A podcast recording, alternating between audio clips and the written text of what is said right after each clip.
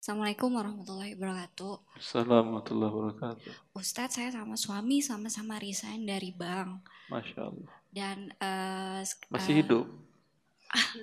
Alhamdulillah masih. Alhamdulillah. Orang banyak kalau takut kalau keluar dari pekerjaan yang haram mati katanya.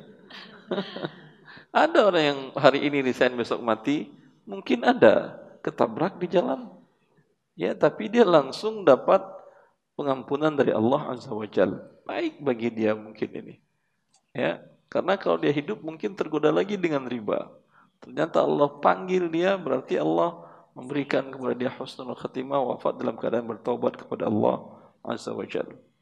Uh, saya mau bertanya karena saya sama suami sama-sama dari bank kita buka usaha dengan modal tabungan yang dari gaji selama kita kerja di bank belum dibersihkan berarti uh, belum, belum. Ustaz. Ah, saya Terus sampaikan ke... caranya dulu ibu ya, ya baik. sebelum saya jawab. Bila seorang bekerja di tempat yang diharamkan oleh Allah Azza wa Jalla dan Rasulnya maka semua yang dia dapatkan adalah haram. Menjadi saksi riba membantu melancarkan usaha riba dengan bekerja di tempat riba tersebut, tidak pun digaji, Anda sudah dapat dosa. Atas perbuatan dosa tadi, Anda dapat gaji. Ini masalah kedua. Kalau saja Anda mengatakan, Bang, mohon maaf saya butuh pengalaman untuk bekerja di perbankan. Saya magang dua tahun, tidak perlu Anda gaji. Ini pun sudah berdosa besar. Sekarang Anda minta gaji atas perbuatan dosa tadi. Maka dosanya dua kali. Dosa berbuat riba, membantu proses riba, dan dosa dapat uang dari perbuatan riba tadi.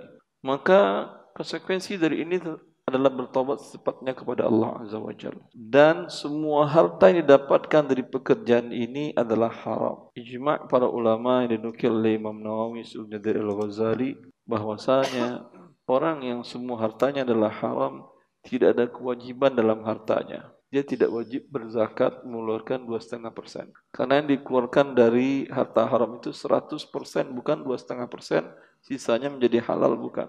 Kemudian tidak ada kewajiban berhaji, karena hartanya adalah harta yang haram. Diriwayatkan oleh Imam Ahmad dalam musnadnya dengan sanad yang hasan bahwa bila seseorang berangkat haji dan berada di atas kendaraannya dan mengucapkan talbiyah labbaik Allahumma labbaik. Bila hartanya dan bekalnya dan biaya hajinya ada dapatkan dengan yang haram seperti bekerja di riba ini maka dijawab oleh malaikat la labbaik wa la sa'daik tidak diterima kedatanganmu dan kau tidak dapatkan kebahagiaan. Fa inna malaka haram wa zadaka haram wa hajjuka ma'zurun ghairu mabrur. Sesungguhnya bekal yang kau bawa haram harta yang kau bawa harta yang haram. Hajimu tertolak, tidak makbul, tidak mabrur, tidak diterima. Pulang. Pulang tambahan dari saya ya. Tidak maksud dalam lapas hadis itu. Ya. Tidak bisa dibuat apa-apa. Kecuali kalau dikeluarkan 100 persennya, dia menjadi fakir miskin atau tidak? Nah, tergantung. Ada yang tidak, ada yang iya. Kalau yang tidak bagaimana Pak Ustaz? Alhamdulillah dia terima warisan dari orang tuanya atau dari mertuanya dan mereka juga bukan bekerja di tempat riba. Mereka bekerja yang halal, pedagang yang halal, ya. Ada warisan. Ada warisan rumah walaupun kecil tapi cukuplah buat tinggal dia dan suami dan istrinya dan anak-anaknya. Ada sedikit uang tunai, cukup untuk biaya hidup setahun kebutuhan pokok.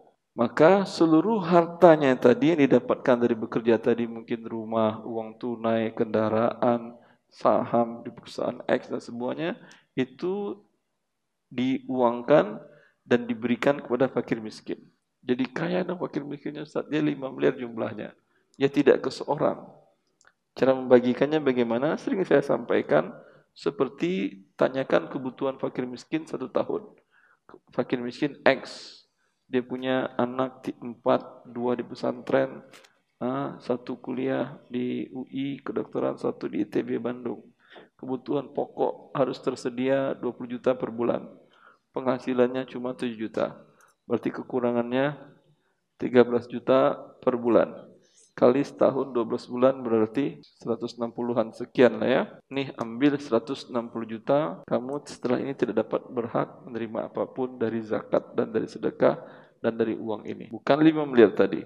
Masih ada sisa 4,8 miliar. Cari fakir miskin yang lain, berikan hal yang sama sampai habis. Jelas? Ini kalau dia punya harta yang halal. Kalau tidak ada harta yang halal, semuanya dari hasil bekerja di bank ini, inventaris semua harta tadi. Ada rumah mungkin, ada kendaraan, ada uang tunai, ya semuanya diinventaris. Keluar angka umpamanya sebanyak 3 miliar umpama. Kebutuhan pokok satu tahun makan, minum, uang sekolah anak, transportasi, warawiri, listrik, air dan segala macam yang pokok yang tidak bisa dilepas dari kehidupan, sewa rumah karena rumah akan dilepas.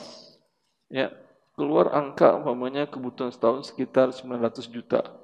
Uang tadi aset semua 3 miliar, 2,1 diberikan kepada fakir miskin dengan secara yang tadi. Yang 900 juta ini halal buat Anda. Jelas? 900 juta ini kan kebutuhan satu tahun. Mungkin buat kontrak habis 100 juta, tinggal 800. Ya, kalau Anda pakai 800 untuk usaha, boleh. Tapi khawatir ternyata usaha rugi nanti susah lagi. Anda ambil umpamanya sekitar 20% dari 800 juta. Ambil umpamanya sekitar 150 juta atau 200 juta untuk memulai usaha. Ini hasil dari ini insya Allah halal ke belakangnya. Jelas? Ya Ustadz. Nah, Ustadz. Uh, ini cara membersihkan harta haram tadi. Ya, mungkin udah terlambat ya Ustadz ya karena. Tidak ada yang terlambat. Enggak. Uh, Kalau anda sudah meninggal, ia terlambat. Ini Ustadz masalahnya kita belum tahu ilmunya untuk cara membersihkan harta haram tersebut. Terus kita keburu. Anda tidak tahu, tapi saya sudah tulis di buku harta ke, haram. Keburu buka usaha ya Ustadz ya sama suami. Dan Lihat sebentar usahanya juga sebentar, sekarang sebentar, tutup. Sebentar. Di halaman 617 bertobat dari harta haram. Cara bertobat. 623 sampai 633.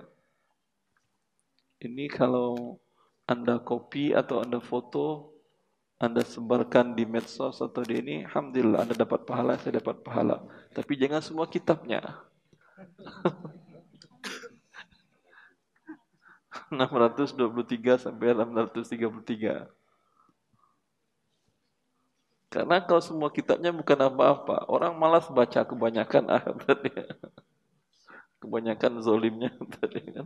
Tapi kalau sekitar 10 halaman saya izinkan. Begitu juga tema-tema yang lain. Ada tema umpamanya tentang ah, e-wallet dan lain-lain. Anda, anda foto, Anda taruh di medsos, saya izinkan. Bila per tema. Boleh lanjut Ustaz? Silahkan. Iya. Kodarullah sekarang kita buka usaha dan kodarullahnya juga usahanya kita udah tutup. Akhirnya suami tutup karena seperti tadi Anda belum bersih-bersih, iya, masih kotor karena, dia. Karena masih belum bersih-bersih harta yang kita dapat. Kebetulan kita di, dalam kondisi yang nomor dua semua hartanya Orang aja haram. kena musibah banjir aja pertama yang dilakukannya apa?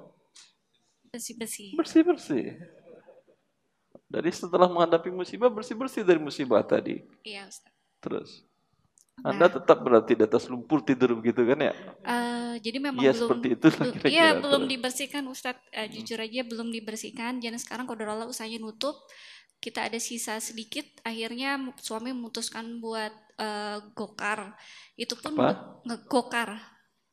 Apa itu? Gokar uh, supir ojek online. Oh, oh. Dan kita pun beli mobilnya pun dari tabungan kita, Ustadz gitu.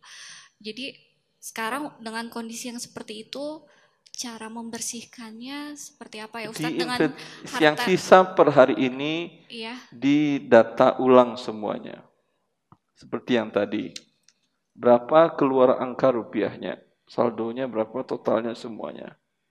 Hitung kebutuhan setahun Anda sekeluarga dengan Anda, anak istri, Anda pihak keluarga lain yang Anda jamin, adik, mertua, menantu. Ada hanya anak aja hanya, satu. Hanya, hanya pun satu. Ya, ya. ya. Maka hitung kebutuhan setahun, maka lihat berapa saldo total angkanya. Dari total angka tadi, bila lebih besar daripada mobil yang Anda beli, maka mobilnya halal. Umpamanya total kebutuhan Anda sekitar 400 juta setahun itu. Ya. Sedangkan harga mobil yang Anda beli 250 juta, Anda pakai dari uang tadi halal.